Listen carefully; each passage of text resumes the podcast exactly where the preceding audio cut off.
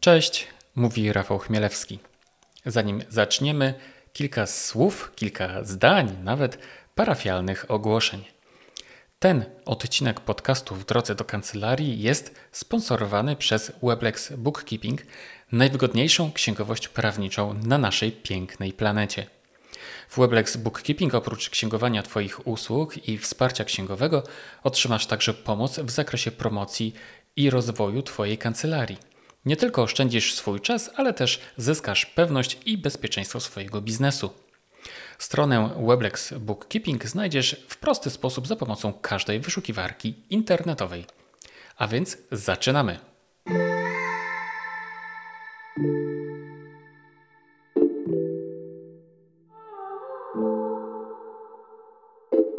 Handy lautlos, schließt die Jalousien. Keiner soll wissen, dass es uns wieder gibt. Meine Freunde denken, zwischen uns ist Krieg. Hab mich so auf der Flucht, trotzdem wieder hier.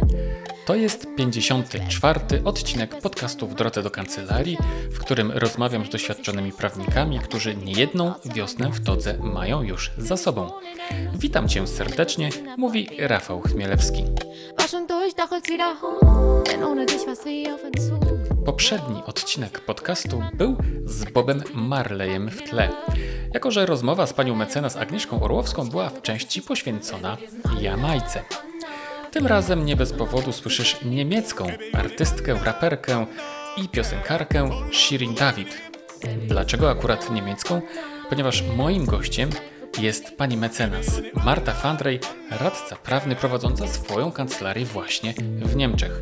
Zaprosiłem panią Martę do podcastu z jednej strony dlatego, aby pokazać jej osobę i specjalizację, ale z drugiej strony, że po prostu byłem bardzo ciekaw tego, jak u naszych zachodnich sąsiadów wygląda rynek usług prawnych, a także jak wygląda system sądowniczy jak działa i jak funkcjonuje także w okresie obecnej epidemii.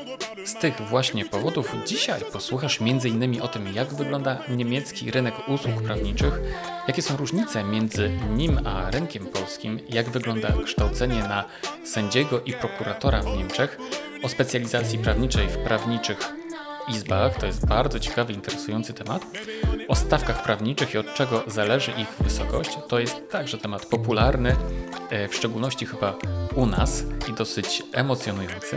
Rozmawiamy też o tym, jak wygląda początek wykonywania zawodu w niemieckiej kancelarii, dlaczego prawnicy w Niemczech są zatrudniani głównie na podstawie umowy o pracę, Posłuchasz też o promocji kancelarii niemieckiej i o prawniczych niemieckich blogach, o bezpłatnej pomocy prawnej oraz prawniczej pracy pro bono, jak wyglądają statystyki prowadzenia spraw w niemieckich sądach oraz o mediacji w Niemczech.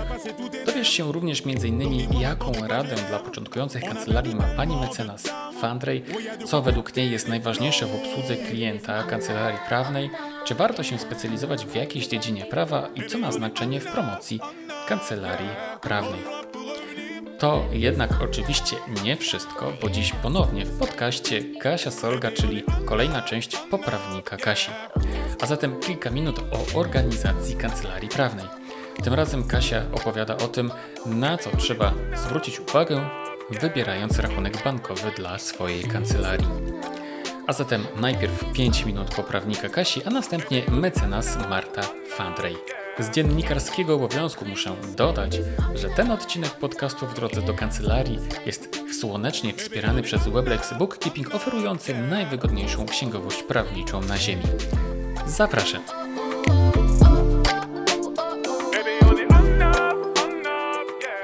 To jest kolejny odcinek poprawnika Kasi. Przede mną Kasia Solga. E, obiecałaś ostatnim razem, że opowiesz troszkę o bankowych rachunkach e, dla kancelarii prawnej. Tak, y, to jest taki temat, który, który ostatnio wzbudził dosyć duże zainteresowanie wśród moich czytelników, y, głównie osób, które obserwują moje profile na Facebooku. I chciałam powiedzieć o rachunkach bankowych dwie rzeczy, a mianowicie jaki rachunek wybrać. Tak? I tutaj dla kancelarii prawnej myślę, że tak naprawdę to jest obojętne. Oczywiście trzeba przejrzeć no, warunki, tak, opłaty, ale one są w większości miejsc podobne. I to, na co chciałam zwrócić uwagę, to to, żeby wybierając rachunek dla kancelarii, wybrać taki, gdzie potwierdzenie przelewu możemy otrzymać natychmiast. Bo to jest w praktyce kancelarii bardzo potrzebna rzecz. Nieraz y, w ostatnich godzinach pracy wyjdzie konieczność wysłania jakiegoś pisma, gdzie jest opłata skarbowa do dołączenia, czy jakaś opłata sądowa. I tutaj y, banki pod tym względem się od siebie różnią. Są takie banki jak na przykład mBank, gdzie y, na takie potwierdzenie trzeba poczekać do, do czasu sesji bankowej. To zabiera czas, bo żeby zrobić jedną opłatę, trzeba się logować dwa razy. Raz, żeby ją zrobić, a dwa potem, żeby pobrać potwierdzenie. A poda, poza tym czasami można no, nie doczekać się tak, na, na tą sesję bankową. I tu zaletą jest to, że jeśli się pomylimy, to do czasu tej sesji możemy odwołać ten przelew więc jest takie to bezpieczniejsze. Natomiast myślę, że dla praktyki kancelarii znacznie bardziej e, jest istotne to, żeby to potwierdzenie wygenerować sobie natychmiast. I tutaj przykładem takiego banku, który tak działa, jest na przykład Inkbank Śląski, tak? Tam są potwierdzenia natychmiast. I ja na ten tylko aspekt chciałam zwrócić uwagę, żeby otwierając rachunek e, właśnie e, wybrać taki, który ma to potwierdzenie natychmiastowe to myślę, że w kwestii rachunków jest taka krótka rzecz, którą dzisiaj Wam chciałam powiedzieć. Mhm. W następnym odcinku też będę mówiła o rachunkach bankowych, ale od trochę innego tematu, a mianowicie dlaczego trzeba mieć w ogóle firmowy rachunek e, bankowy w kancelarii i dlaczego od razu dwa. A to dwa? następnym razem. Dwa? tak, dwa. Dobrze, dziękuję Kasiu. Do usłyszenia, Rafał. Jak dobrze pamiętasz, Kasia prowadzi blog pod tytułem Jak prowadzić kancelarię, na łamy którego gorąco Cię zapraszam. Prowadzi również profil na Facebooku o tym samym tytule. Kasia jest także moim aniołem stróżem, a także prawą i lewą ręką w Weblex Bookkeeping, o którym Ci wspominałem na samym początku. Zapraszam Cię teraz do posłuchania mojej rozmowy z mecenas Martą Fandrej, niemiecką prawniczką oraz autorką bloga Proces Gospodarczy w Niemczech. Gościem 54 odcinka podcastu W drodze do kancelarii jest pani mecenas Marta Fandrej, radca prawny prowadząca swoją kancelarię w Niemczech, a dokładnie w Langenfeld. Cześć Marto. Dzień dobry Rafale.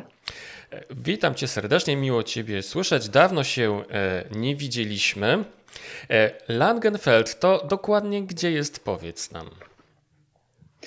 Langenfeld to jest trochę taka e, sypialnia takie miasto mniej więcej 60 tysięcy mieszkańców między Düsseldorfem a Kolonią w Nadrenii Północnej Westfalii.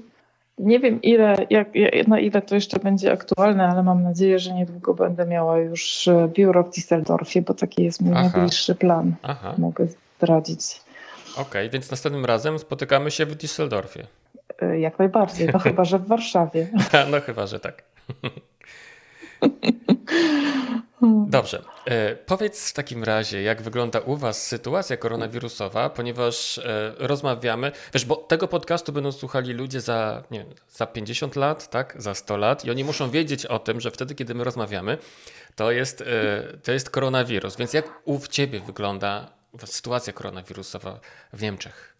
W zależności od tego, gdzie spojrzeć, czy na kwestie zawodowe, czy prywatne, to wygląda dla mnie różnie. Zawodowo to tak naprawdę koronawirus za dużo u mnie nie zmienił. Ja prowadzę trochę spraw sądowych i trochę doradzam na bieżąco klientom. E, z spraw sądowych to dosłownie spadła mi jedna sprawa, ale została już z powrotem wyznaczony chyba termin na, na sierpień. Poza tym bardzo szybko tutaj sądy się ogarnęły, działania w takim trochę zmienionym trybie, ale jednakże wydaje działać. Bardzo Myślę, że to bardziej dotknęło y, różne takie większe kancelarie, które działały może trochę bardziej w takim konserwatywnym trybie, to znaczy wszyscy siedzieli tam od rana do wieczora w swoich pokojach, w swoich biurach y, i pracowali. No tam rzeczywiście z tego, co mnie słuchy dochodzą od kolegów, znajomych z rynku, to rzeczywiście nastąpiła duża zmiana, przejście na takie, mhm.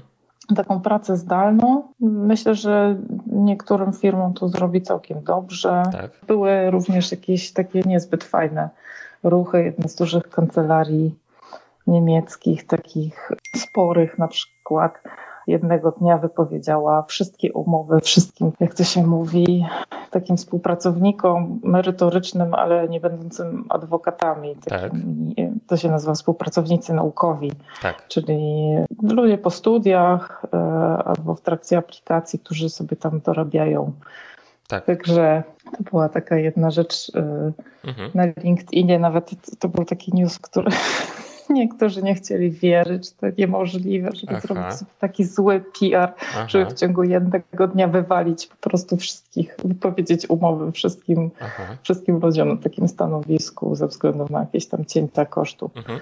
Marto, a powiedz nam, duża kancelaria niemiecka, to znaczy, co to znaczy duża? Żebyśmy mieli, wiesz, jakieś takie porównanie. Myślę, że duża to jest taka, która się zaczyna no tak od 200 adwokatów górę, Mhm. no i to już będzie przynajmniej kilka albo kilkanaście biur w całych Niemczech. A, i to jest duża kancelaria niemiecka.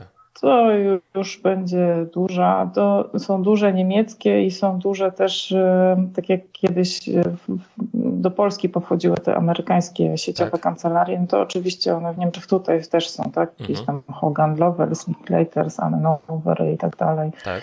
No to one też są duże, one mają taki, taki system działania, ale są też niemieckie kancelarie, które albo zostały jakby niemieckimi kancelariami, tak urosły, albo się w którymś momencie połączyły z tymi amerykańskimi sieciówkami. Mhm. Marto, wiem z Twojego bloga, e, nie wspomniałem o tym, ale prowadzisz blog Proces Gospodarczy w Niemczech, więc wiem z Twojego bloga, że niemieckie sądy działają dzisiaj w dobie pandemii zupełnie inaczej niż sądy polskie. Po prostu działają, tak? Bo polskie sądy to w zasadzie nie działają, a niektóre z nich są zupełnie zamknięte i nic się tam nie dzieje. No a jak sobie radzą z tym niemieckie sądy?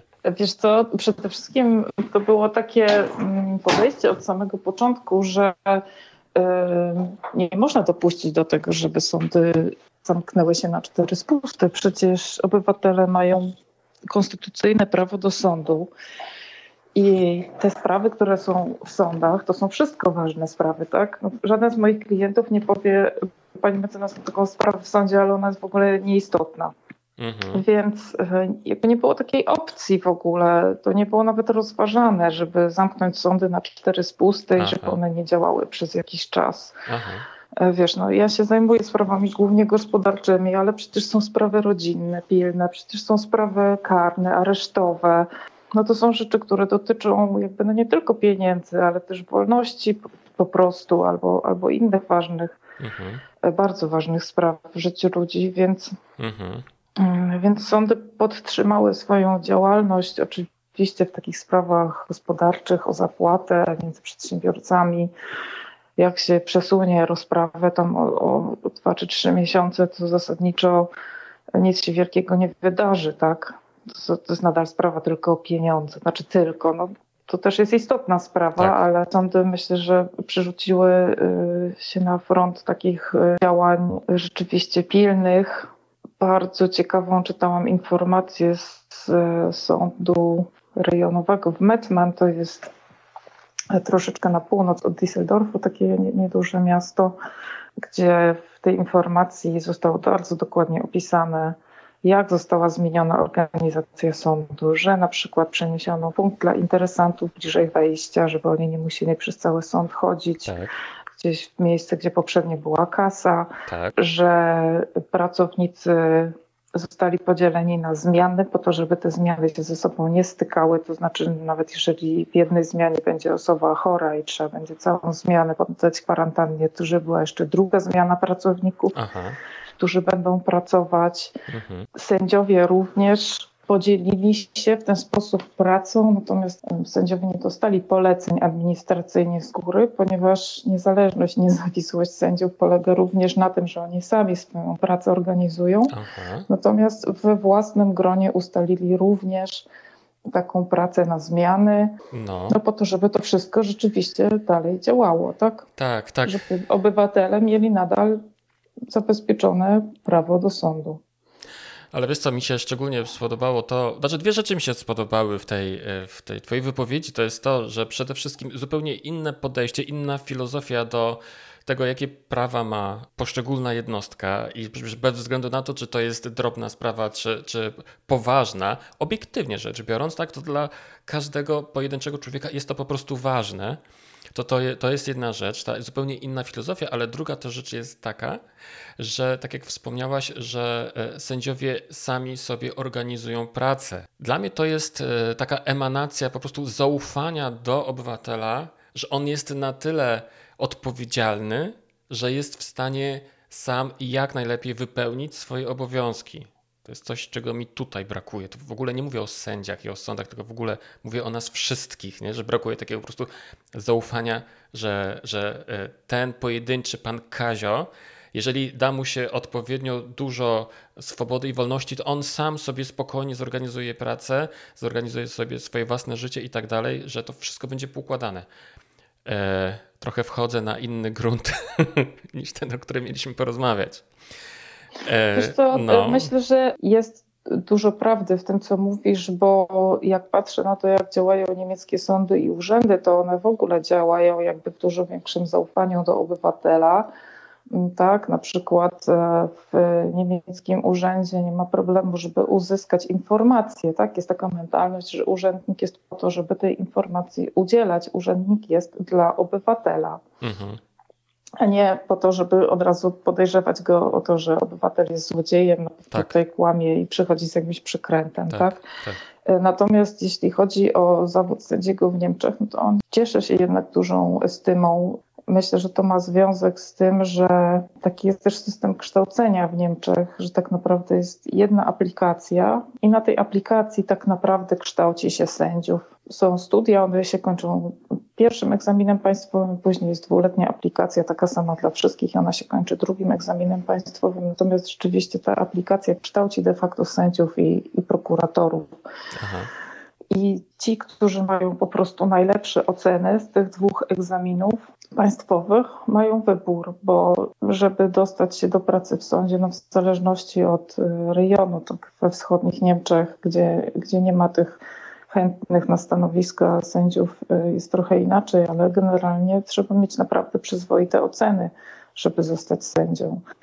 Więc to, to nie jest przypadek tak, tak mhm. zupełnie. Nie mówię, że ocena świadczy o wszystkim, bo to też nie do końca, ale ten system kształcenia jest taki, że rzeczywiście ci, którzy mają naprawdę dobre oceny, mają wybór i, i sędzia jest urzędnikiem państwowym. Mhm. To oznacza, że jego wynagrodzenie się trochę inaczej oblicza, innemu ubezpieczeniu podlega, to są takie szczegóły, ale no rzeczywiście jakby taka ta niezawisłość, niezależność sędziów, e, ona przyjmuje bardzo namacalne efekty takie, że, mhm. że sędzia ma, nie pamiętam, jeden czy dzień, dwa dni w tygodniu ma prawo pracować z domu. Mhm. Sam sobie wyznacza te rozprawy, sam sobie organizuje. No Aha. oczywiście są tam jakieś statystyki i tak dalej, no ale po tym, co co sprawdzałam wczoraj, no to wcale tak źle nie wygląda z tym postępowaniem przed sądami w Niemczech. One się toczą generalnie w miarę sprawnie. Mhm. Więc, e, więc sędziowie rzeczywiście no, są w stanie jakoś tą pracę sobie zorganizować. Oczywiście mają bardzo duże wsparcie, ponieważ personel pomocniczy sądu wykonuje dużo zadań, e, które, które w Polsce wykonują sędziowie albo referendarze. Tak. E, na przykład sędziowie sami nie liczą kosztów w Niemczech, nie, nie muszą sprawdzać, czy te koszty są uiszczone, to jest zautomatyzowane. Tak. Osoby, które są sekretarzami w sądach, które wykonują różne tam czynności, poświadczenia i tak dalej, mają stosowne wykształcenie. Także sędziowie właściwie się zajmują już tylko sprawami, taką pracą merytoryczną. Mm -hmm. Nie, nie muszą już specjalnie się mm, tak sprawdzać zwrotek, takich rzeczy robić. No tak, e, to jest bardzo ciekawy temat i na pewno jeszcze moglibyśmy długo na ten temat dyskutować. Marto, e, zanim zaczniemy na dobre, e, to ja Ci muszę zadać jedno pytanie, które tutaj przewija się w tym podcaście w ogóle jak taka, jak taka mantra. To jest kawa czy herbata? Oczywiście, tak. Zapomniałeś o najważniejszym pytaniu. E, jedno i drugie, ale kawa nie więcej niż raz dziennie. Tak. A herbata to wiaderkami. O, a jaką herbatę najczęściej pijasz? E, najczęściej piję jakieś różne ziołowe mieszanki. Aha.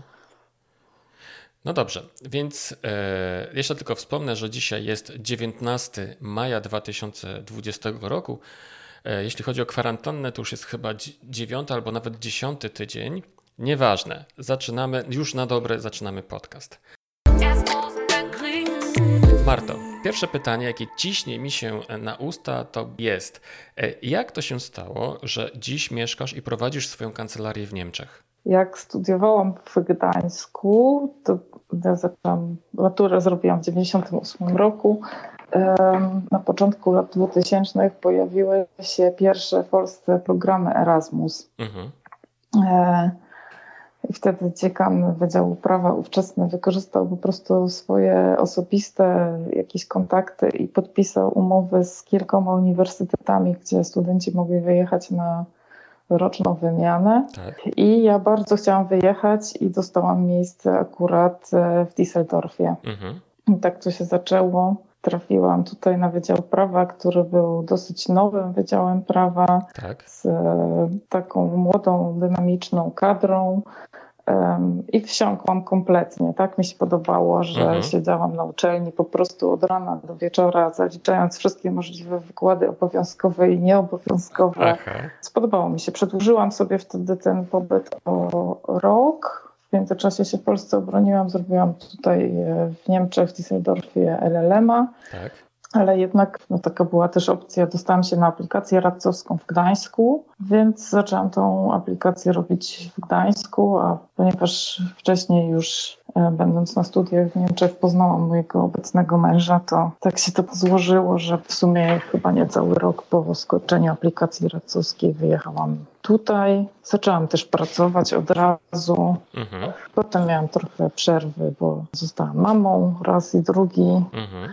A teraz jestem na swoim, że tak powiem, i to jest e, taka forma, która zawsze mi była bliska wykonywania zawodu. Gdzieś tam z różnymi kancelariami e, w międzyczasie jakoś tam współpracowałam. Mhm czy trochę szukałam swojego miejsca, ale prowadzenie własnej działalności, własnej kancelarii, to jest to, co zawsze chciałam robić, więc, mhm, mhm. więc teraz mogę. Mhm. Radcą, radcą prawnym jesteś od ilu lat? Od 2008 roku, czyli będzie 12, 12 w tym roku. Mhm, mhm.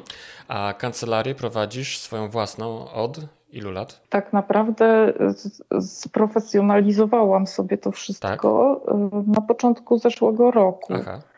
E, czyli to nie jest długo, to jest niecałe półtora mhm, roku. Mhm. Natomiast wcześniej po prostu w trakcie też współpracy z inną kancelarią tu na miejscu um, zaczęło do mnie spływać coraz więcej zapytań, mimo że nie, nie, nie miałam nawet strony internetowej, gdzieś tam mój numer tak. telefonu był w jakimś spisie polskich prawników w Niemczech, nie wiem jak on się tam tak. znalazł koledzy też z Polski, z mojej mhm. grupy aplikacyjnej, zaczęli się do mnie zgłaszać z jakimiś kwestiami, które dotyczyły ich klientów na rynku niemieckim. I tych spraw po prostu zrobiło się. Mhm. E, było coraz więcej, coraz więcej, i stwierdziłam, że to nie ma na co czekać. Po prostu trzeba odpalić już oficjalnie działalność i, mhm. i zacząć. Mhm, mhm. Czyli y, z punktu widzenia e, polskiego prawnika, polskiej kancelarii prawnej, Masz specjalizację taką, że wspierasz polskich przedsiębiorców na rynku niemieckim, czy tam w różnych sporach na rynku niemieckim, ale powiedz, czy z Twojego punktu widzenia, czy Ty masz jakąś specjalizację? Wiesz, to mi zawsze było jakby bliskie taka w ogóle obsługa przedsiębiorców, bo to pracowałam na aplikacji w kancelariach radcowskich, które tym się głównie zajmowały. E, jeśli chodzi o jakąś szczególną branżę, to niekoniecznie, chociaż teraz do mnie z powodów oczywistych trafia dosyć dużo firm budowlanych. Tak e, które tutaj działają na niemieckim rynku. Nie, jeśli chodzi o branżę, to raczej takie, takie ogólne wsparcie przedsiębiorców mhm. w, w, ich bieżącej działalności, czyli umowy różnego typu cywilnoprawne, mhm. Trochę prawa pracy. I ja zawsze lubiłam chodzić do sądu, zawsze lubiłam prowadzić spory sądowe. Mhm. Wiem, że to nie jest e, ograniczone do jednej konkretnej branży, ale myślę, że spory sądowe mają jakąś tam swoją specyfikę i to lubię najbardziej. Mhm. E, stąd też mój blog. Właśnie. Chętnie takie sprawy przyjmuję. Jasne. Czy więcej Twoich klientów obecnie to są e, polscy przedsiębiorcy czy niemieccy? To znaczy chodzi Ci o narodowość, czy o to, gdzie mają zarejestrowane spółki? właśnie, właśnie. Słusznie. No dobrze. Obojętnie jak. Powiedz, jak, czy, czy, czy więcej, czy, albo inaczej, czy e, prowadzisz częściej obsługę w języku niemieckim, czy w języku polskim obecnie?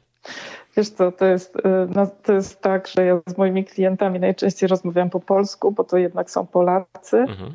którzy albo w Niemczech działają, albo z Polski jeszcze działają i mają tutaj jakichś niesolidnych dłużników albo tego typu historie. Mhm. E, I ja najczęściej z klientami się komunikuję po polsku, natomiast e, sprawy tu na miejscu załatwiam oczywiście po niemiecku. Piszę pisma, mhm. Mhm. występuję w sądzie. Mhm. E, Marta, i tak jak wspomniałaś, e, część e, zleceń pochodzi od Twoich kolegów z czasów aplikacji, od prawników. Powiedz w ogóle, w czym polskim prawnikom możesz pomóc? Ja nie wiem, czy ja mogę pomóc polskim prawnikom, ale no. czasami mogę pomóc ich klientom. No właśnie. Ja, ja to robię na w zasadzie takiej koleżeńskiej współpracy. Tak? Moi, moi polscy koledzy najczęściej mają klientów, których mają tak zwaną stałą obsługę.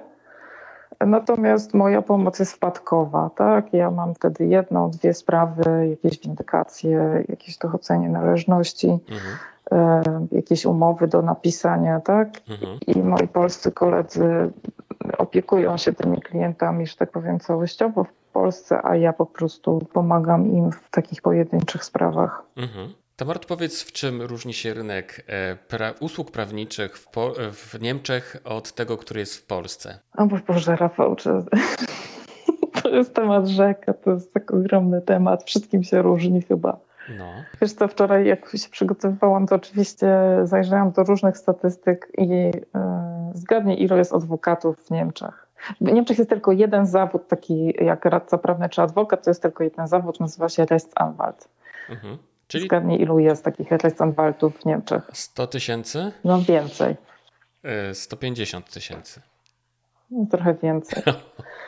No to powiedz. W tej chwili jest ponad 160 tysięcy. Jak znalazłam na 1 stycznia statystyki, to było 167 234 osoby dokładnie w całych Niemczech. O kurczę. No, Niemcy mają w ogóle trochę większą um, populację tak, niż w Polsce, bo to jest 82-83 miliony mieszkańców. Mhm. Ale jak na taką, e, nawet jak na taką liczbę mieszkańców, to tych prawników jest e, dosyć dużo. Mhm. Żeby było ciekawie, to mnie zszokowało, zawsze mnie to szokuje.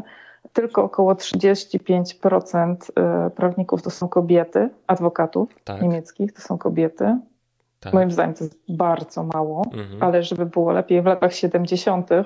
to było tylko jakieś około 4,5%, więc to jest w sumie bardzo zmaskulinizowany zawód mhm. tu w Niemczech. Co wynika też z tego, że wiele kobiet, bo dużo kobiet studiuje, tak? To nie jest tak, że na studiach jest mniej więcej tam pół na pół, tylko że bardzo dużo kobiet rzeczywiście wybiera potem karierę w sądzie lub prokuraturze. To jest trochę spokojniejsza praca po prostu.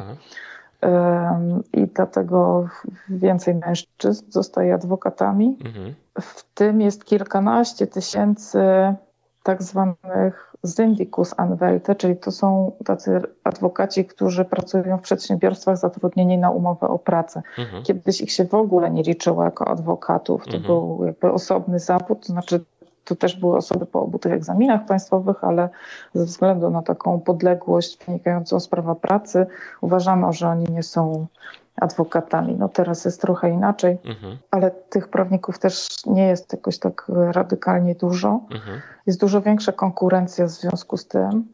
Jest dużo większa specjalizacja i to specjalizacja jest absolutnie konieczna i to jest naprawdę specjalizacja do tego stopnia, że jak jestem krawcem od mankietu lewego rękawa, to już nie uszyję samego lewego rękawa, a tymczasem ani, ani też nie przyszyję mankietu do prawego rękawa. Mhm. Moim zdaniem to trochę chyba zubaża. To znaczy ja, ja się cieszę, że ja mogę wykonywać ten zawód tak, jak ja go wykonuję i że mogę się ciągle dowiadywać nowych rzeczy i, i też nie robię wszystkiego, ale, ale chyba nie chciałabym robić ciągle tego samego. Mhm. Natomiast rzeczywiście w wielu kancelariach tak to wygląda, że te specjalizacje są bardzo, bardzo wąskie. Mm, zresztą specjalizacje też są uregulowane w Niemczech, to znaczy Aha, ciekawe. izby adwokackie nadają tytuł takiego adwokata specjalisty, to się nazywa Fachanwalt po niemiecku, e, adwokatom, którzy skończą odpowiedni kurs teoretyczny, zdadzą egzaminy i wykażą odpowiednią liczbę case'ów, po prostu przypadków, które opracowywali z danego zakresu. Także tych tytułów specjalistycznych jest w tej chwili już też całkiem sporo. Mhm. Najbardziej popularny to jest specjalista w zakresie prawa karnego, prawa rodzinnego, prawa pracy, prawa handlowego, gospodarczego, mhm. prawa podatkowego. Jest tego naprawdę w tej chwili dużo, oczywiście administracyjnego, jest nawet są specjaliści od zamówień publicznych, tak? tak. E, to jest dosyć nowy taki ten tytuł. Jest też ciekawy bardzo dla mnie tytuł specjalisty od międzynarodowych spraw gospodarczych i handlowych i szczerze mówiąc trochę się przymierzam do mhm. podejścia do kursu tego teoretycznego, bo bardzo dużo spraw, które ja robię, mają właśnie ten element transgraniczny. Mhm, mhm. Warto, słuchaj, a wspomniałaś o specjalizacji podatkowej, to znaczy, że e, w Niemczech e, nie ma zawodu doradcy podatkowego? Tak jak u nas? Jest, jest Aha. zawód doradcy podatkowego. E, natomiast, żeby być doradcą podatkowym, to nie trzeba mieć tytułu adwokata. Aha. Można to zrobić innym sposobem. Okay. Doradca podatkowy to jest Steuerberater po niemiecku, mhm. więc są adwokaci, którzy mają na wizytówce i Rechtsanwalt i Steuerberater. Tak. I są tacy adwokaci, którzy mają Rechtsanwalt i Fachanwalt für Steuerrecht, tak? Mhm. Wtedy nie są doradcami podatkowymi bo doradca podatkowy może na przykład ciebie reprezentować tutaj przed niemieckim urzędem skarbowym, może za ciebie składać e, wszystkie tam zeznania, deklaracje miesięczne, roczne i tak dalej. Tak. Natomiast e, Szczerze mówiąc, nawet nie wiem, czy adwokat, który ma specjalizację od prawa podatkowego, mhm. E, takie rzeczy mógłby, no mógłby robić, bo jest też adwokatem, więc zawsze można mu udzielić pełnomocnictwa do takich spraw. Natomiast e, mhm. wiesz, no, doradcy podatkowi najczęściej prowadzą takie biura rachunkowe. Mhm. mhm. E Marto, posłuchaj, e, czy jeśli któryś z prawników e, jest e, już po tym kursie, ma zdany egzamin i jest specjalistą, czy wtedy jego stawki są wyższe? Myślę, że tak. Natomiast stawki w Niemczech też są różne. Mhm. Na pewno są wyższe niż w Polsce i tak średnio myślę, że są cztery razy wyższe niż w Polsce. Mhm ale też są różne. Natomiast myślę, że samo opieranie stawki na tym, czy czy jestem tutaj tym zarejestrowanym specjalistą, czy nie, to chyba niekoniecznie tak działa. Po prostu większe kancelarie też mają wyższe stawki, taka jest mhm. prawda. A mniejsze kancelarie, które mają mniejsze koszty, mogą sobie też pozwolić na to, żeby mieć niższe mhm. stawki godzinowe. Mhm. Posłuchaj, a e, czy stawki są w ogóle w jakiś sposób e, odgórnie uregulowane, jakieś takie widełki, czy nie? Czy to jest dowolność, tak jak w Polsce? W sprawach e, sądowych jest to uregulowane, jest ustawa o wynagrodzeniach adwokackich i tam są ustalone stawki minimalne mhm. i one też są wyższe od polskich stawek. No, bo te po, polskie są strasznie niskie.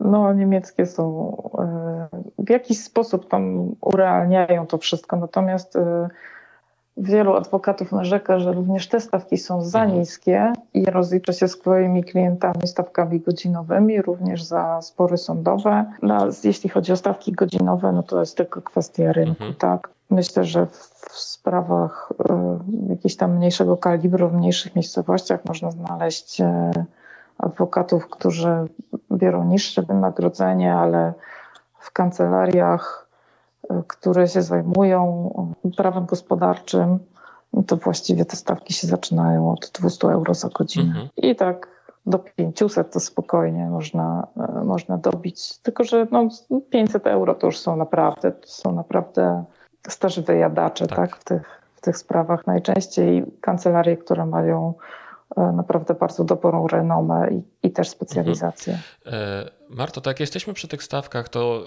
czy częściej są stosowane właśnie stawki za godzinę, czy za, za projekt na przykład też się zdarzają, za realizację konkretnego zlecenia? Jak to wygląda? Zdarzają się też stawki ryczałtowe, tak, za dany projekt. Natomiast z tego co wiem, to adwokaci, którzy rozliczają się takimi ryczałtami i tak prowadzą ewidencję czasu pracy, żeby po prostu zobaczyć na sam, na sam koniec, czy ten Aha. ryczałt był w ogóle dla nich opłacalny, Aha. tak? E, także taka rejestracja czasu pracy jest dosyć powszechna. No i te duże kancelarie jednak nie, nie rozliczają się według tej ustawy o wynagrodzeniach mhm. adwokackich, e, bo tam dosyć szybko ta kwota wynikająca z tej ustawy zostałaby przekroczona. Mhm, mhm. E, Marto, wracając jeszcze do tych różnic między e, rynkiem usług prawniczych w Polsce a w Niemczech, pamiętam jak rozmawialiśmy, kiedyś się spotkaliśmy o tym, że e, głównie prawnicy w dużych kancelariach są zatrudniani na umowę o pracę. O, super, Rafał, świetnie, że tym wspominasz. Jeszcze chciałam wrócić do tak? poprzedniego pytania. Nie wiem, czy z, ja to powiedziałam, ale oczywiście ta ustawa o wynagrodzeniach adwokackich dotyczy E, głównie sporów sądowych. Ona nie dotyczy doradztwa, tak? Jeśli chodzi o doradztwo, tak, projektowanie tak. umów i doradztwo przy jakichś tam projektach, no to jest pełna dowolność i właśnie z tego wynikają te stawki mhm. godzinowe, natomiast te ryczałty z ustawy e, dotyczą sporów mhm. sądowych. Wiesz, to rzeczywiście, to tak jest. I to też wynika, jeśli chodzi o to zatrudnienie na umowę o pracę e, przez młodych, młodych adwokatów, to też wynika z tego, co powiedziałam wcześniej. To znaczy, jak adwokat kończy tą swoją aplikację, tak. po której mógłby zostać sędzią, to często są osoby, które nie, nie były tylko na praktykach w jakichś kancelariach mhm. wcześniej, tak? To nie jest tak jak u nas, y, że jak ja byłam na aplikacji, to ja praktycznie 4 lata przepracowałam w różnych kancelariach radcowskich. Ja robiłam to samo, co radcy prawnie, tylko że za najniższą krajową. Tak, tak? to była jedyna różnica. Tak. No i oczywiście pod jakąś tam e, opieką mhm. ich. Natomiast taki adwokat, który kończy tutaj tą aplikację sądową de facto, mhm. tak, y, no to tak, ani on nie ma własnych klientów, mhm. Y, ani on nie ma doświadczenia. Możliwe, że w życiu pozwu nie napisał, ani umowy żadnej, tak. no to gdzie on ma się tego zawodu nauczyć? No musi się uczyć u innych mhm. adwokatów. No więc y, kancelarie zatrudniają takich młodych adwokatów i, i też trochę w nich inwestują. Mhm. Zatrudniają ich na umowę o pracę, ponieważ y, niemieckie przepisy są trochę inne niż polskie, albo trochę inaczej mhm. stosowane. To znaczy, nikt by nie założył jednoosobowej działalności gospodarczej po to, żeby pracować w jakiejś kancelarii mhm. tylko i tylko dla niej, tak? Tylko tą kancelarię mhm. fakturować. Mm, to by podchodziło pod taką pozorowaną działalność gospodarczą i to urząd skarbowy czy niemieckie mhm. ubezpieczenie emerytalne po prostu natychmiast wystrzeliło taką mhm. konstrukcję. Mhm. Więc y, to jest tak trochę z, i z jednej i z drugiej strony. Z jednej strony jakby prawo niekoniecznie na to pozwala, z drugiej strony y, no rzeczywistość jest taka, tak? To są młodzi mhm. ludzie bez doświadczenia tak naprawdę, bez takiego know-how adwokackiego. Mhm. No i po prostu taki jest rynek, że zostają zatrudnieni na umowę o pracę, gdzie w różnych kancelariach, tak? Mówi się, że takie wstępne wynagrodzenie, e, w zależności od tego, jaka to jest kancelaria, to tam od 60 tysięcy euro mhm. rocznie do nawet ponad 100 tysięcy euro rocznie w dużych kancelariach. No to trzeba się z tym liczyć, że w dużych kancelariach to po prostu już sprzedaje się swoje ciało po prostu takiej kancelarii na jakiś czas, bo mam znajomych, którzy pracowali w takich miejscach i to jest bardzo często praca po prostu od rana do wieczora, do 21, do 22. No tak, to, to Pamiętam, że znajomy kiedyś w Wigilię siedział do 15, tak? No. Są kancelarie, które mają obowiązkowy jeden dzień e, obecności w weekendy. Także takie rzeczy też są. Jest rzeczywiście duży nacisk na, na to, żeby zrobić swój obrót. Tak? Klienci, e, adwokaci są rozliczani z obrotu, e, który robią, czyli z ładnie mówiąc po starotarkiemu na słowiańsku, z zabilowanych tak. godzin. No i tych godzin trzeba tam nastukać odpowiednią ilość, no, ponieważ wiadomo, że jedna godzina naszego siedzenia przed biurkiem to nie zawsze jest godzina, którą można wpisać tak. klientowi do rachunku. Tak.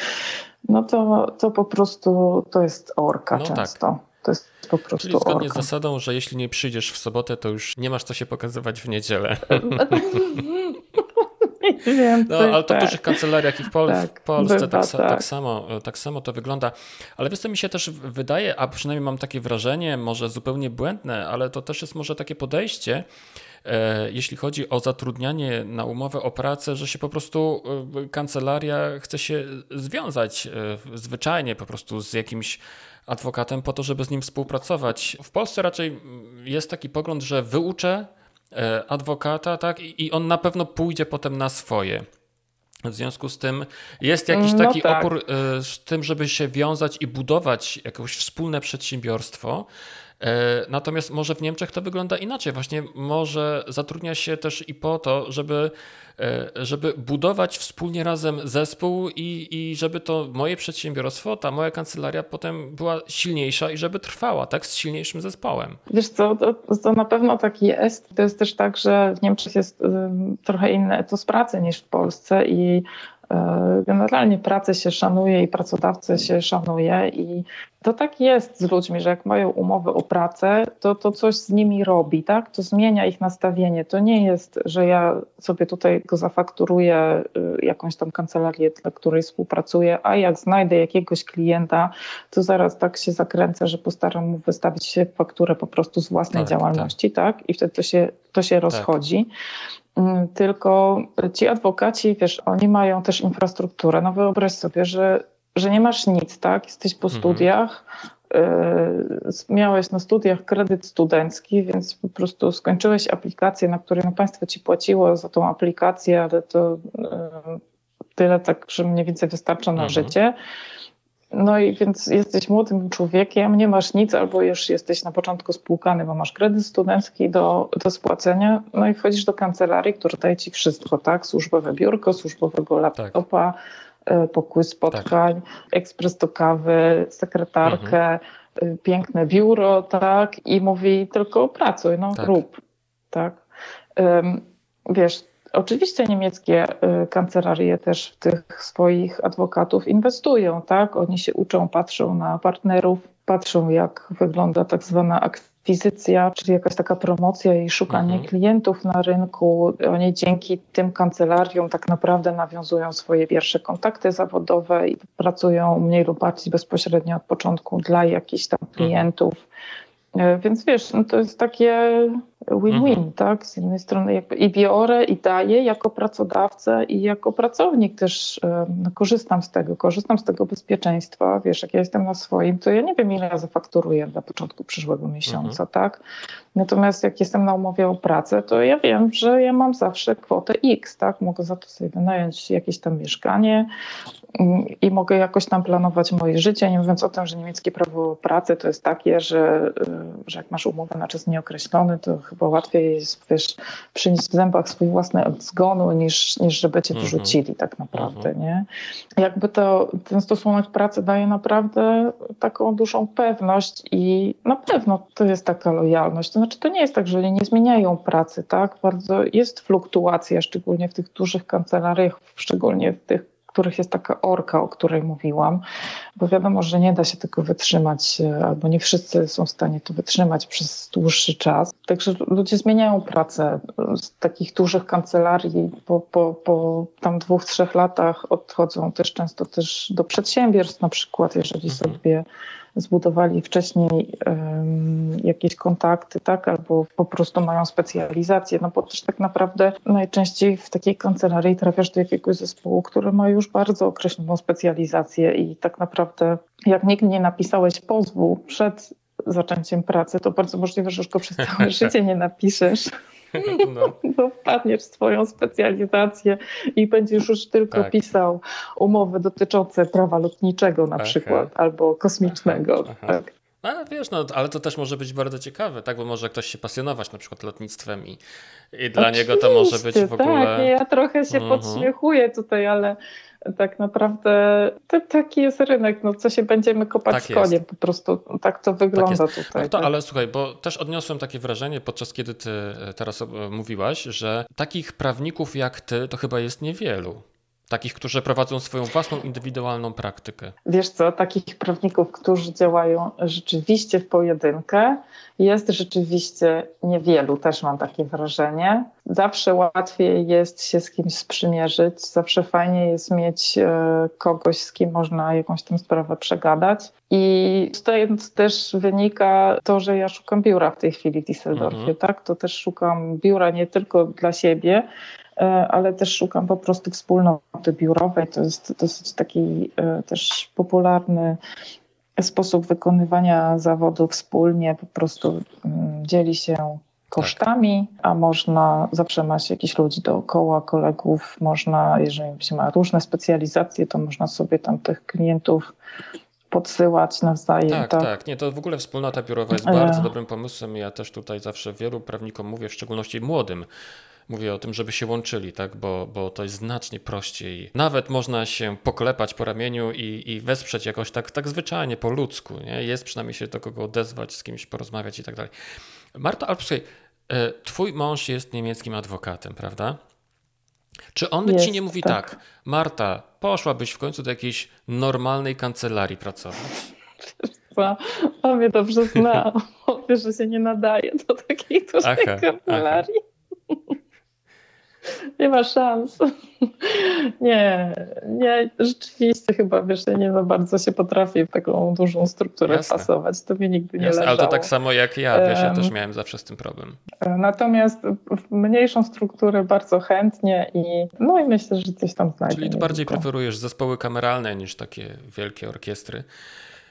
Tak, wiesz, ja, moja kancelaria w Gdańsku, w której pracowałam przed wyjazdem do Niemiec, to była po prostu praca marzeń i e, byliśmy, nie wiem, łącznie chyba z pięć albo w sześć osób w trzech pokojach, bo czwarty był pokojem spotkań i po prostu e, jak coś potrzebowałam od naszej asystentki, to wołałam do niej przez ścianę i to e, po prostu, wiesz, tak mi no, zostało. No.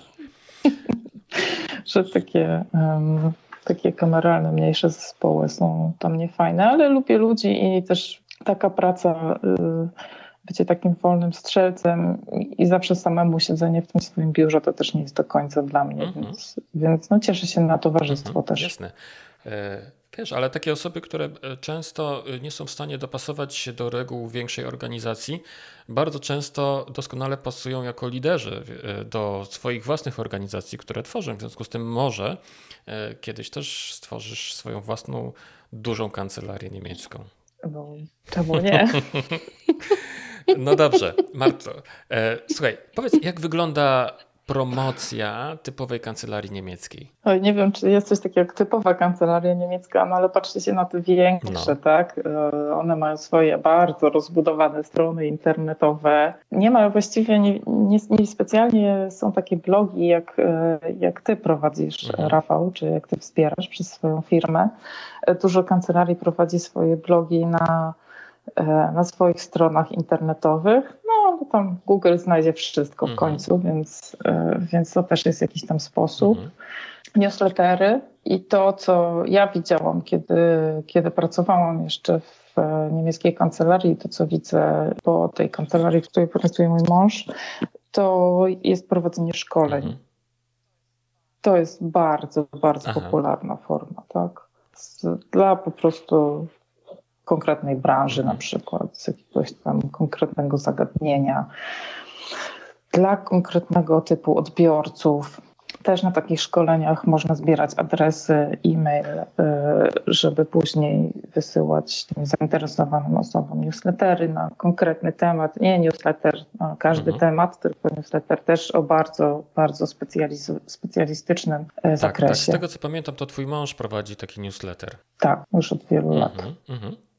A jeśli chodzi o media społecznościowe, e, prawnicy niemieccy korzystają z takich form promocji? Wiesz co, wydaje mi się, że to tak e, to jest trochę jednak konserwatywne i chyba nawet bardziej konserwatywne niż w Polsce środowisko. E, nie do końca. Znaczy widziałam kiedyś stronę jakiejś takiej mniejszej kancelarii, bo tam było chyba trzech adwokatów, E, i mieli jakąś swoją stronę na Facebooku, natomiast też była kancelaria z takiego raczej mniejszego miasta. I tam ta strona Facebooku była chyba nawet całkiem sensownie prowadzona, wyglądała na całkiem aktualną, mhm. aktualizowaną. E, natomiast wiesz co, ja, ja, też nie jestem na wszystkich mediach społecznościowych, mhm. tak? Nie mam Instagrama, więc trudno mi się wypowiadać. Dla dużych kancelarii w jakiś tam sposób liczą się też chyba takie rankingi, ale tak naprawdę szczerze mówiąc, ja nie wiem, czy klienci czytają te rankingi. Posłuchaj, tak. a jak klient y, kancelarii prawnej w Niemczech, jak znajduje kancelarię? W jaki sposób dociera do niej? Wpisuje w Google coś tam, jakieś swoje zapytanie i trafia na stronę internetową, czy w jakiś inny sposób? Wiesz co, myślę, że duże firmy mają już po prostu takie kancelarie, z którymi na stałe współpracują z tym, że nigdy to nie jest stała obsługa, tak? To też bym musiała Aha. podkreślić, że w Niemczech nie istnieje coś takiego jak e, stała obsługa jakiejś firmy za stałą okay, kwotę w tak. miesiącu, tak? I raz w tygodniu fakturujemy was tam na 5 tysięcy i za to zrzucacie nam wszystkie swoje problemy tak. prawne. Czegoś takiego nie ma. To znaczy, myślę, że jak dane przedsiębiorstwo ma problem, to rzeczywiście szuka prawnika albo kancelarii, która ma konkretną specjalizację no i myślę, że też bardzo ważne jest zaufanie po prostu, tak? Jak to komuś już kiedyś zaufałem i on dobrze moją sprawę poprowadził albo ktoś mi go polecił, no to wtedy idę do niego mhm. chętnie. No i też duże kancelarie działają w ten sposób, że to jest tak zwany cross-selling, tak? że mam klienta, któremu dobrze załatwiłem sprawę tam budowlaną, a teraz ma problem, sprawa pracy, to przychodzi mhm. do mnie, a ja mówię, no ja się akurat prawem pracy nie zajmuję, ale proszę tu kolega mhm. chętnie panu pomoże. Poza tym na pewno są też ważne takie relacje międzyludzkie, tak? To, to widziałam też w kancelariach, w których pracowałam tak. wcześniej, że mm, że warto te relacje pielęgnować i mieć dobre relacje ze swoimi klientami. Tak, tak. Ale wiesz, i to sprawia, że oni wracają. Jasne. Wiesz co, Marto, tak się zastanawiam e, teraz, e, bo być może jest tak, że jednak e, klienci w Niemczech poszukują prawników poprzez Google, tak jak na przykład w Polsce, tylko po prostu mało kto był zainteresowany tym, żeby to sprawdzić i zbadać. Jak myślisz? Wiesz, to na pewno poszukują poprzez Google i są też recenzje w Google prawników no. i, i prawnicy jakby nie mają szczególnie jakichś tam zakazów dotyczących reklamy czy informowania o swoich e, o swoich usługach. Myślę, że dla części klientów jest ważne, żeby ten prawnik był blisko, żeby można było się z nim spotkać, zobaczyć mhm. po prostu, co to za człowiek. No właśnie, wiesz co, bo tak się zastanawiam, bo mm, skoro e, nie funkcjonują jeszcze blogi, takie typowe blogi, tak jak w Polsce i w Stanach Zjednoczonych, to być może e, to wszystko, ten, e, te narzędzia promocji, to narzędzie promocji jest wciąż jeszcze przed rynkiem niemieckim prawniczym. To jest bardzo możliwe. To jest niewykluczone. To znaczy, wiesz co, ja znam blogi takie e, prawnicze, najbardziej chyba znany to jest ZPO blog, czy on jest prowadzony przez e, sędziego tak. i sędzia pisze w nim o kwestiach związanych z niemiecką procedurą cywilną. Jest coś takiego jak law blog, ale on jest taki trochę bardziej, to znaczy to nie jest żaden blog specjalistyczny, to jest blog pisany przez y, jakiegoś prawnika, adwokata, ale bardziej tak hobbystycznie. To, to nie jest blog po to, żeby tam pokazywać swoją wiedzę i, y, i przyciągać klientów. Y, jest Fefasungs blog, czyli blog taki konstytucyjny, one mają takie już bardziej naukowe, tak. powiedziałabym. Tak, tak, tak, bo nie dodałem tego, że właśnie w Niemczech są blogi prawnicze, tylko one są prowadzone przez sędziów, przez pracowników naukowych na przykład. Tak, tak, inaczej. To nie są takie mhm. blogi, takie jak u nas, komercyjne, które mają, mówiąc wprost, generować klientów i pieniądze, nie? Dokładnie, to miałam na myśli mówiąc, że nie spotkałam się właściwie z takimi blogami. Jakie ty tak, masz Tak, ale wiesz, to musimy sprawdzić bo być może e, rynek niemiecki jest jednak bardzo ciekawym rynkiem dla takich firm jak Weblex. Zapraszam.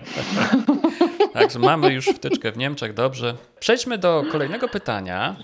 Czy niemieccy prawnicy sprzedają w jakiś sposób swoje usługi, ale w zasadzie chyba o tym porozmawialiśmy właśnie teraz. Tak, myślę, że w ten sposób sprzedają. Wiesz, czasami e, naprawdę jest decydująca um, renoma kancelarii. Na przykład są kancelarie, które po prostu słyną z budowlanki, natomiast nikt do nich nie pójdzie, bo ma problem związany z prawem spółek, tak? I odwrotnie. Mm, tak, są kancelarie, które się specjalizują ściśle po prostu w prawie pracy, ale nikt, kto ma problem tam z zamówieniem publicznym, to nie, nie pójdzie do nich tak po tak. prostu, tak. Mm.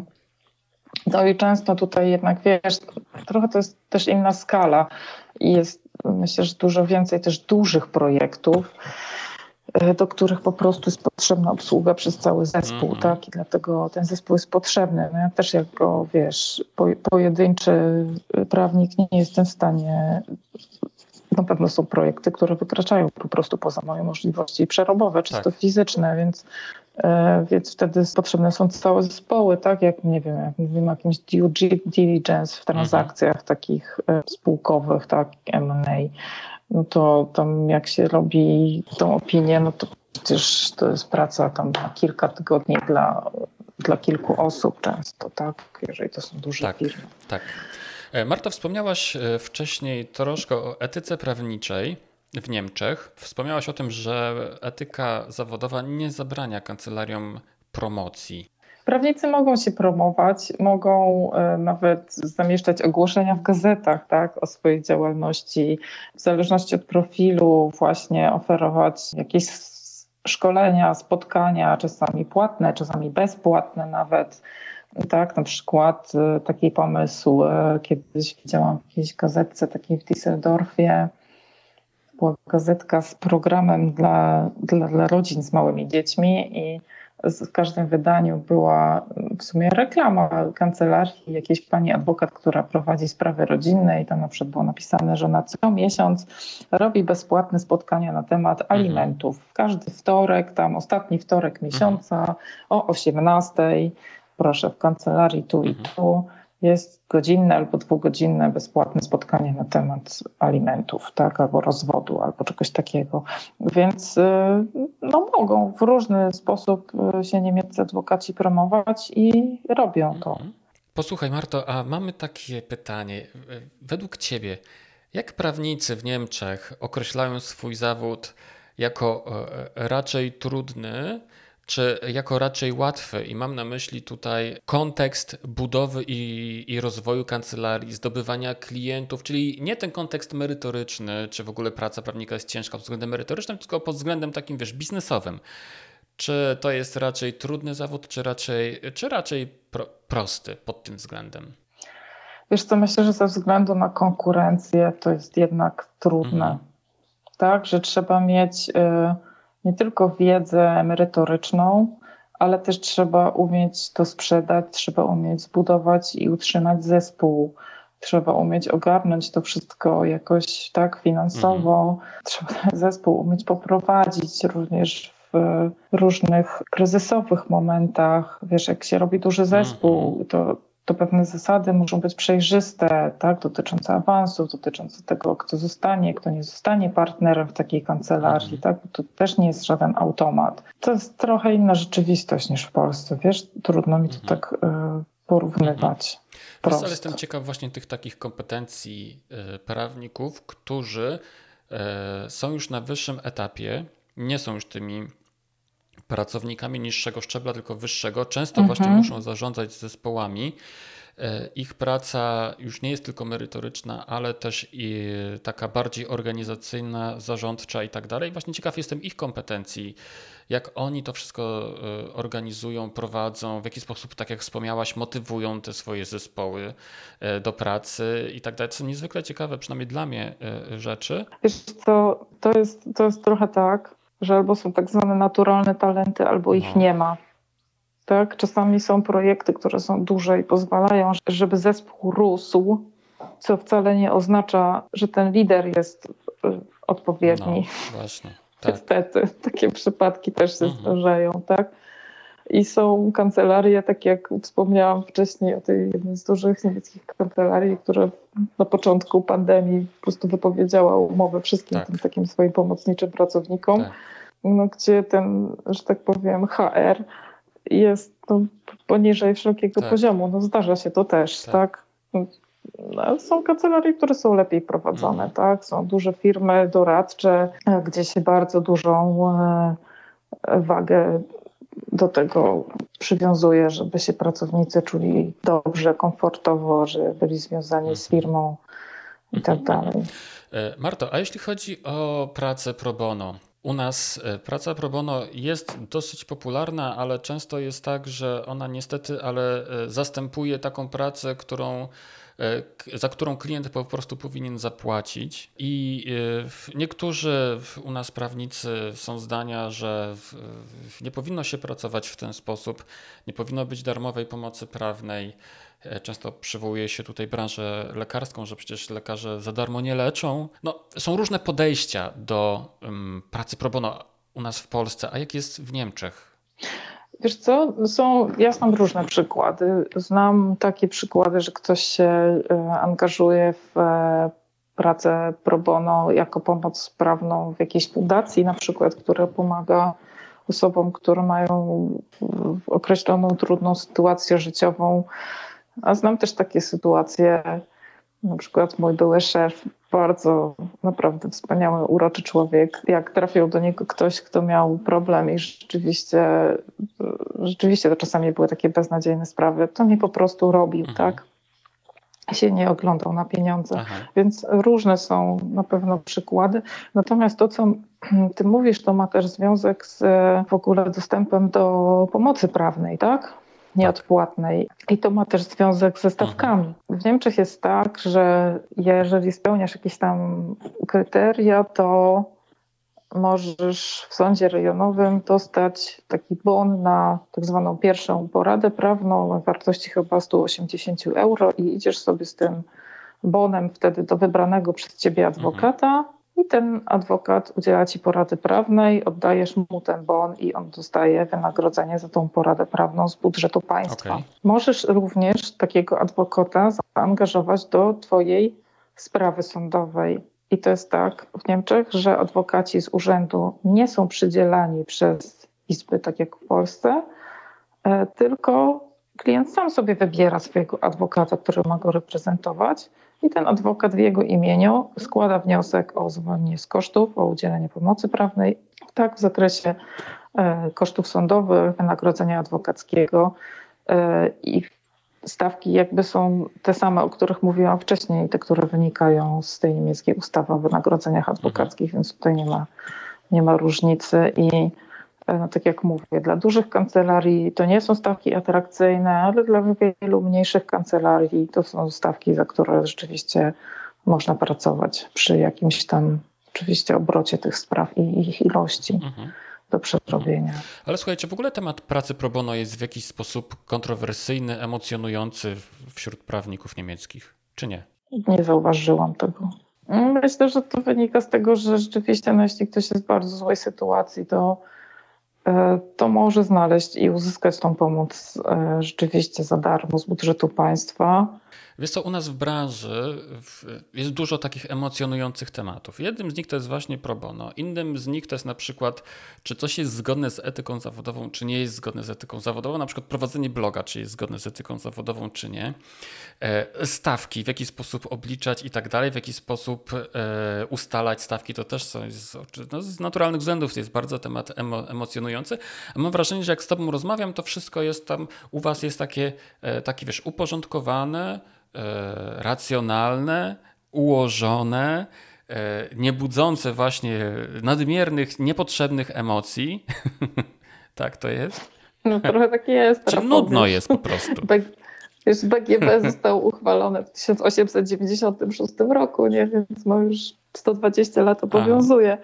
Um, I jakby Wiesz, no tutaj nie było takiego przewrotu jak u nas na początku lat 90., mhm. tak, gdzie trzeba było dużo rzeczy budować od nowa. To są takie już ustalone tory mhm. i czasami może to jest słabe, że, że tego się nie kontestuje, tak? Może część rzeczy można by było jednak zmienić, ale e, ten rozwój jakby on już nastąpił kiedyś tam w przeszłości i był bardziej ewolucyjny niż rewolucyjny. Myślę, że z tego to wynika. No i też z niemieckiej mentalności. Mhm jak mówiła babcia mojego kolegi, tu nawet trawa e, równo rośnie, więc tak trochę jest.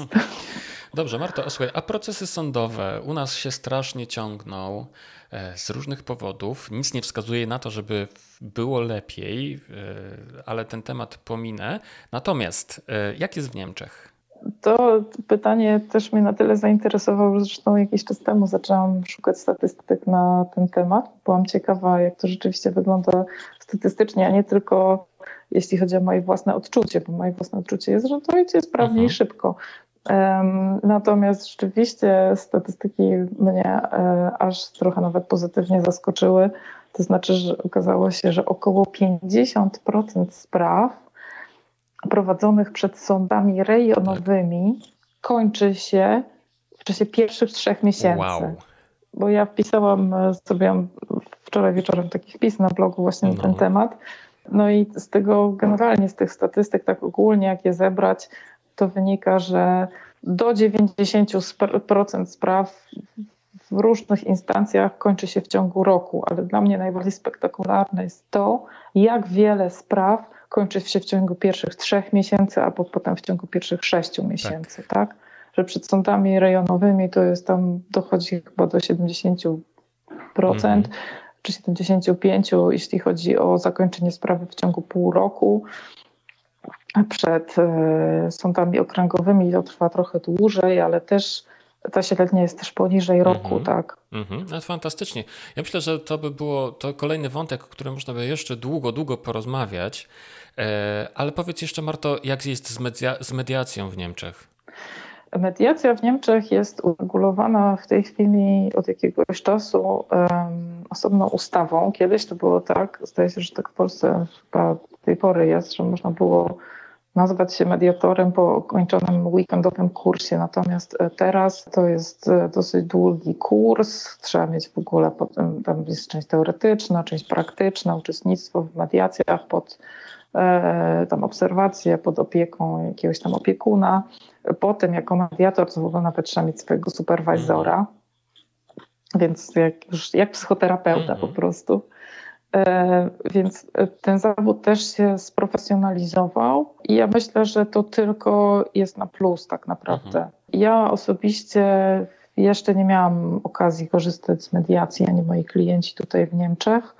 Natomiast gdyby była taka okazja, to jak najbardziej bym namawiała mhm. na to. Ale czy mediacja jest takim, e, dosyć, jest popularną metodą rozwiązywania sporów i rzeczywiście często zastępuje taki spór sądowy, czy, czy, czy nie? Czy tak jak w Polsce, e, że wiesz, ktoś komuś na odcisk nadepnie i od razu wszyscy idą do sądu, tak? Bo trzeba się pobić, potłuc i zatłuc najlepiej, więc...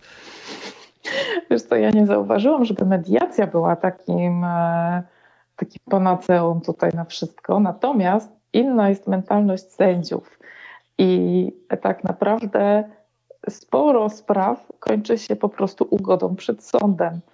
I to wynika y, po pierwsze z procedury cywilnej, która dopuszcza coś takiego, co teraz też jest po ostatniej tej dużej nowelizacji w Polsce, to znaczy to takie y, wyrażenie sędziowskiego oglądu sprawy, tak? że sędzia nie jest jak ten sfinks na rozprawie i on nic nie powie, tylko na końcu wyda taki wyrok, że wszystkim szczęki opadną, tak? Tylko sędzia już po prostu na pierwszej no. rozprawie mówi, co sądzi o Aha. sprawie i mówi to i mówi to po prostu na podstawie dokumentów, które strony dostarczyły, na podstawie swojego doświadczenia.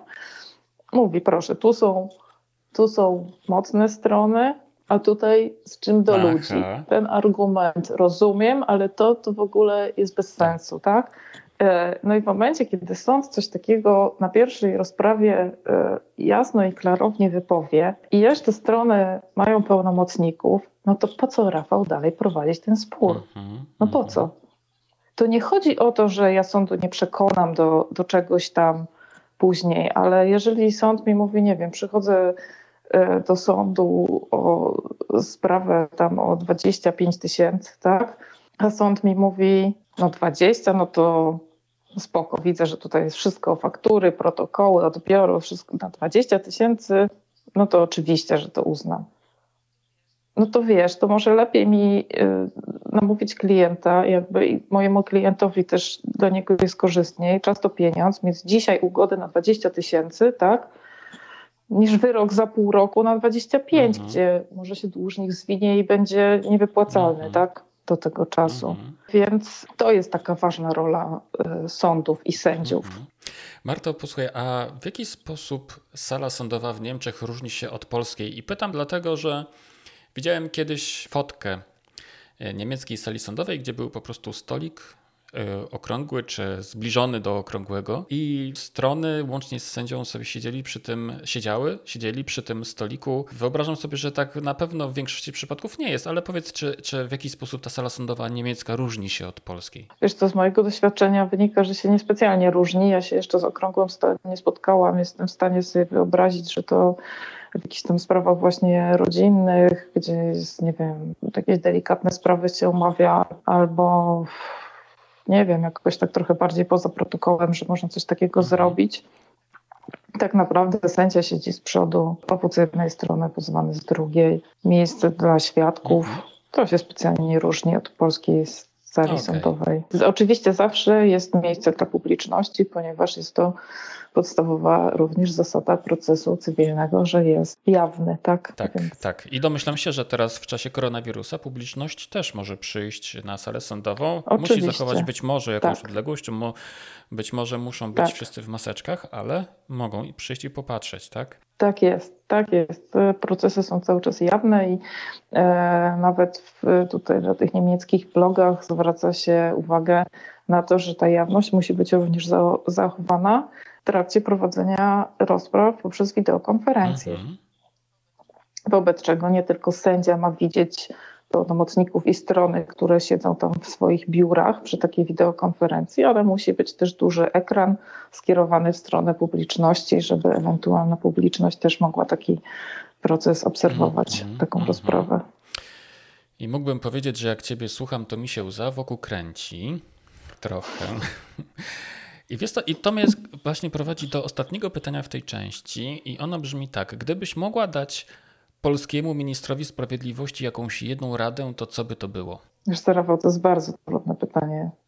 Przede wszystkim takie, że nie będę ukrywać, że ja nie mam żadnej sympatii do, do, do naszego aktualnego ministra sprawiedliwości w No Polsce. dobrze, ale to po, pomij, pomijam, ten aspekt sympatii czy niesympatii, tak wiesz, tak po prostu ogólnie rzecz biorąc.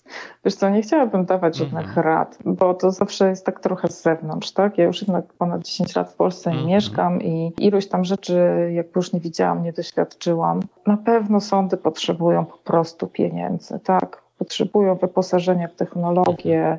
Sekretarze sądowi muszą być lepiej kształceni, muszą więcej zarabiać. Na pewno ten system potrzebuje pieniędzy i prawdopodobnie możesz tam wpompować dowolną ilość pieniędzy i zawsze będzie mało, Mhm. tak? Natomiast są w Polsce też fajne rzeczy, których nie ma w Niemczech, na przykład ten system informacji sądowej, gdzie można się tam logować i sprawdzać stan sprawy. Tego w Mhm. Niemczech nie ma, nie spotkałam się z Mhm. tym. Więc na, na tym na przykład można budować fajne rzeczy, tak, Mhm. związane z doręczeniami elektronicznymi. i tak Czyli jest dalej. nawet coś, za co mogłabyś pochwalić ministra sprawiedliwości w, w Polsce.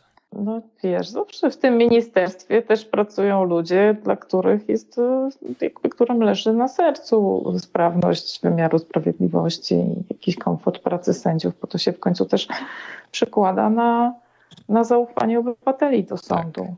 Tak, bardzo chcę wierzyć To tak, tak. w to, że są w ministerstwie tacy ludzie również. E, no dobrze. E, Marto, przejdźmy w takim razie do kolejnej części, ostatniej w naszej rozmowie.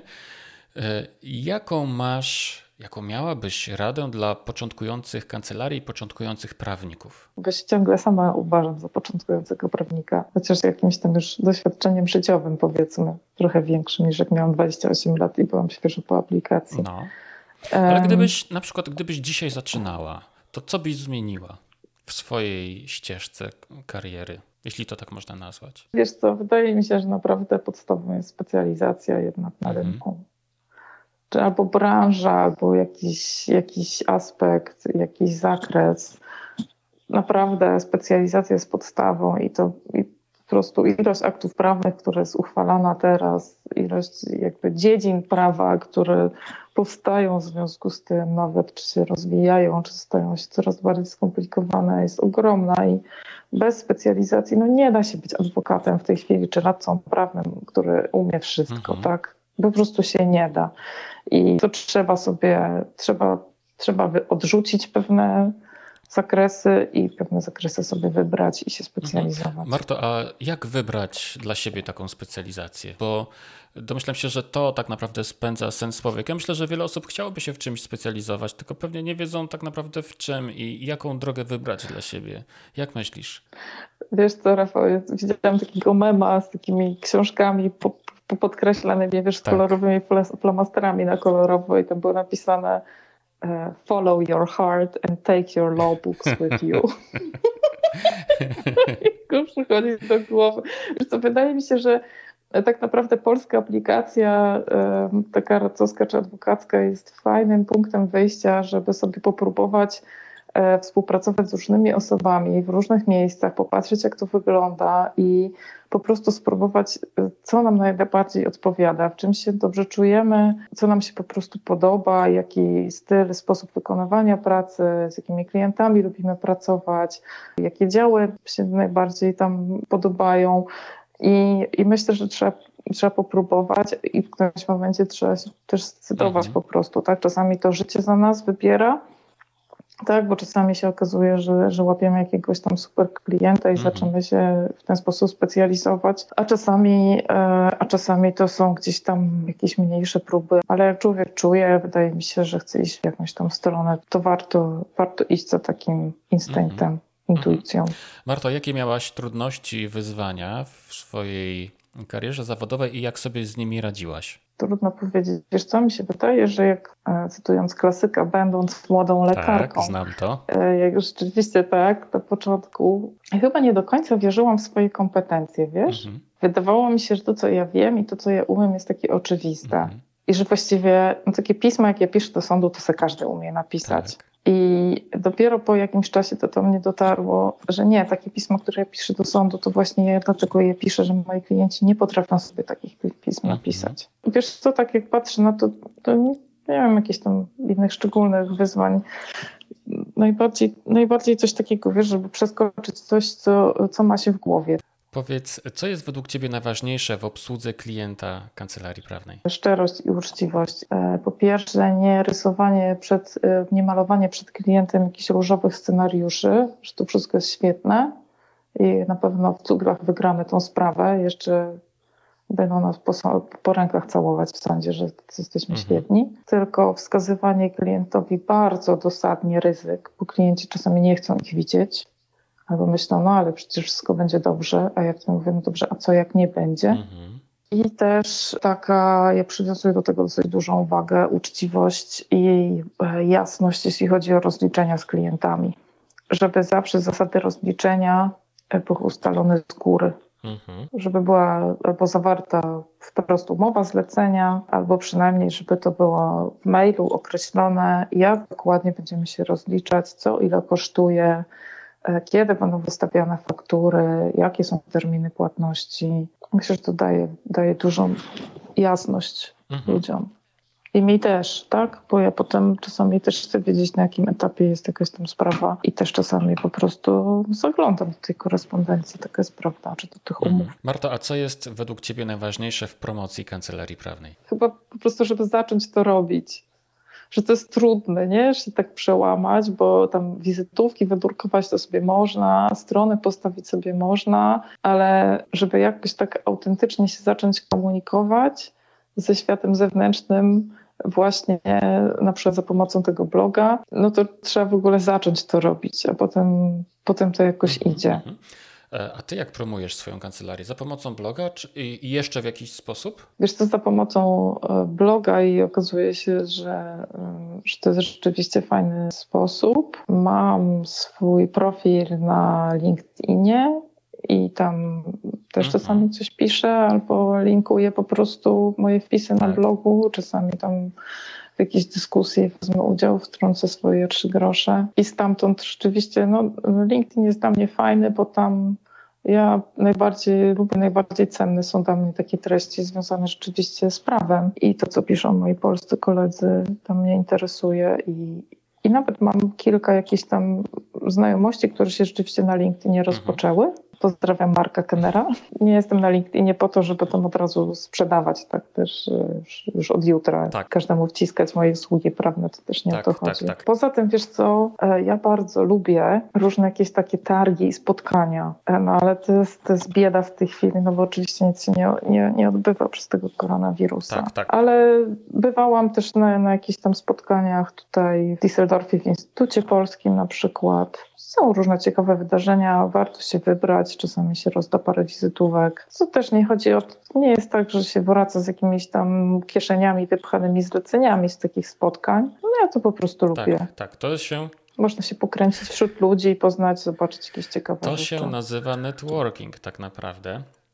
Tak, tak. Na tak, networking, tak, to słuchaj, zwracała networking. uwagę w jednym z poprzednich e, moich rozmów e, mecenas Anna Radke z Nowego Jorku. Ona mówiła, że właśnie dla prawników Mhm. amerykańskich networking to jest podstawa w ogóle. W, w ten sposób oni zdobywają klientów, w ten sposób się promują. Tak, to jest dla nich najważniejsza rzecz. Tak, No. oczywiście. Wiesz, to co ja mówiłam, te, te, te seminaria i szkolenia, którzy, które, które robią niemieccy prawnicy, no to też jest oczywiście Tak, networking, tak. Jak najbardziej. Czyli lubisz rozmawiać e, z ludźmi. Tak. Lubię. Ja lubię. też lubię. Szkoda, że teraz właśnie nie można za bardzo sobie pogadać tak twarzą w twarz. No nic. E, Marto, powiedz, e, prowadzisz bloga, jeszcze raz przypomnę, to jest proces gospodarczy w Niemczech. Jak często piszesz w blogu? Ile ci w ogóle czasu zajmuje prowadzenie tego bloga? Wiesz co, piszę za rzadko, bo, e, bo tak wydaje mi się, że ideałem to by było pisanie raz na tydzień, ale nie udaje mi się utrzymać tego rytmu. No tak, Em, więc piszesz więc raz na W tej chwili staram, średnio raz na miesiąc. Pewnie Rafał, ty znasz lepiej te statystyki, pewnie tak. No już naprawdę jak mija miesiąc od poprzedniego wpisu, to już naprawdę mam takie, wiesz, e, wyrzut sumienia wewnętrzny, że o, już trzeba tam coś napisać. Wiesz, no chciałabym, żeby ten blog był żywy. Czasami jest tak, że opowiadam coś klientowi i myślę sobie, właściwie mogłabym to napisać na blogu, Tak. tak? I z tego powstaje jakiś wpis. A czasami to jest godzinka, żeby tam coś napisać, a czasami trzeba poszperać trochę więcej, trochę dłużej to zajmuje. Ale generalnie nie uważam, żeby to było jakiś straszny pożaracz czasu i to jest fajne. To jest też trochę coś innego niż pisanie pisma do sądu, więc wiesz, czasami jak mam jakieś rzeczy do zrobienia, ale one nie są super pilne, to tak wiesz, na zasadzie, nie, jak przed sesją, nie wiem, myło się wszystkie okna albo odkurzało się mieszkanie, żeby, żeby odsunąć od siebie to widmo nauki, to Mhm. tak e, myślę sobie, no tam zaraz piszę te maile, ale jeszcze tutaj, to jeszcze chociaż zacznę ten wpis na blog. Czasami to tak nie Rozumiem, działa. ale celo, celowo cię, wiesz, pytam o to, dlatego że powszechne przekonanie brzmi, że na bloga to trzeba poświęcić dużo czasu, a nie wiadomo jaki będzie z tego efekt, a przeważnie efektu nie ma żadnego. A to nie jest prawda zupełnie, bo ten blog tak naprawdę nie wymaga wiele czasu, czego jesteś najlepszym przykładem. No wiesz co, ja tego bloga też prowadzę krótko, jakby wydaje mi się, że to jest za wcześnie, żeby jakieś takie generalne wnioski jeszcze z tego wyciągać. No ale gdzieś tam się pozycjonuję, bo dostaję jakieś zapytania, które ewidentnie są z bloga. No 9 miesięcy prowadzisz Mm. swojego bloga. Teraz O, sprawdziłem widzisz, to taka- okazji. Taki, to pora rodzić już. No dobrze, dobrze, dobrze. Więc coś tam się Dobrze. pojawia, widzisz? No to całkiem dobrze. Marto, zmieniając lekko temat, gdzie jeszcze można Ciebie spotkać w sieci oprócz LinkedIna i bloga? I strony internetowej. Masz jeszcze gdzieś jakieś swoje? Mhm. Tak, mam stronę internetową. Ym, Wiesz co, nie, nie mam. Jestem gdzieś tam na Facebooku, bo ty mnie namówiłeś Aha. i, ktoś tam jeszcze, ale tam mam profil raczej, znaczy jestem pod moim własnym imieniem nazwiskiem, ale raczej jest profil prywatny, i, i, a nie kancelaryjny. I szczerze mówiąc, chyba zanim zacznę robić coś nowego i następnego, to wolałabym jeszcze trochę więcej czasu na tego bloga poświęcić. Mam tam jakiś pomysł na e-booka, e, którego bym chciała tam wstawić, no trochę może rozszerzyć zakres też tego bloga w jakiś tam Mhm. sposób, jakieś zagadnienie niekoniecznie z tym związane, ale może być ciekawe Mhm. dla niektórych przedsiębiorców, więc to najpierw bym chciała coś takiego Mhm. zrobić. No i też, wiesz, wracając do tego networkingu, tak jak już mówiłam o tym kursie takim teoretycznym związanym ze specjalizacją, no to chciałabym też zacząć w tym roku taki kurs. One się odbywają niestety niezbyt często i miałam jakiś tam na oku, który miał się zacząć pod koniec tego roku. No i naprawdę mam bardzo dużą nadzieję, że, że on będzie się odbywał i bardzo bym chciała, żeby on się odbywał w tradycyjnej formie, ponieważ myślę, że nie bawiłoby mnie słuchanie ośmiogodzinnych wykładów w formie wideokonferencji, Mhm. tak? Dużo bardziej chciałabym pójść, mieć jakąś taką w miarę stałą grupę kilkunastu osób i kilka tam weekendów spędzić wtedy, wiesz, na takich szkoleniach. Mhm. Myślę, że z tego też mogą być całkiem sympatyczne jakieś Jasne. kontakty. Marto, a co według Ciebie każdy początkujący prawnik powinien przeczytać? Oczywiście pamiętnik adwokata. To mówią? No, zdarza się, zdarza. To wydaje mi się, że y, widzisz, bo ty prowadzisz blogi dla prawników, którzy są przedsiębiorcami. Oni chcą tutaj rozwijać y, siebie, swoje kancelarie, czy tam promować marki, jak to się No. ładnie mówi i tak dalej, No. czy tam swoją markę osobistą. A wydaje mi się, że nie każdy prawnik tak ma i nie każdy prawnik tak No, musi.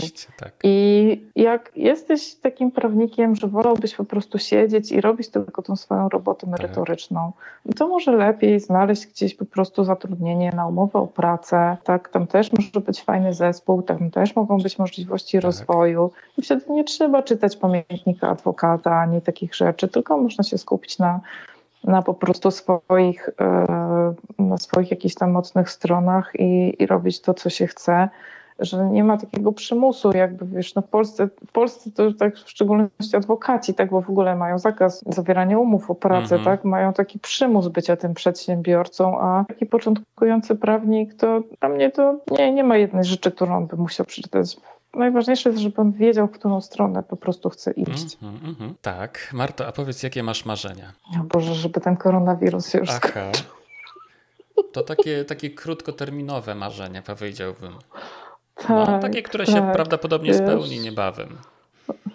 No mam nadzieję. Mhm. Poza tym znowu bym pojechała w góry i nad morze bardzo chętnie. No pewnie nasze podróże też się zmienią. Myślę, że to, co było przez ostatnie parę lat, że wiesz, lataliśmy samolotami po prostu jak taksówkami, e, że to było takie jednak trochę dekadenckie i nie wiem, czy to wróci tak naprawdę. Więc może trzeba będzie jakieś tam dalsze podróże rzeczywiście sobie dawkować i one wtedy będą, myślę, że będą też miały jakiś inny smak. Tak. Em, No, chciałabym się wyrwać znowu na parę dni, gdzieś tam w góry sobie połazić albo coś takiego. Takie małe marzenia. Marto, tego wszystkiego Ci życzę. Chciałbym Ci bardzo serdecznie podziękować za e, naszą rozmowę. E, Ja przypomnę naszym słuchaczom, że gościem tego odcinka podcastu w drodze do kancelarii była pani mecenas Marta Fandrej, radca prawny, prowadząca swoją kancelarię w Niemczech, a dokładnie w Langenfeld. Marto, bardzo serdecznie Ci dziękuję. Rafale, to ja Ci dziękuję bardzo. To była duża przyjemność móc z Tobą rozmawiać.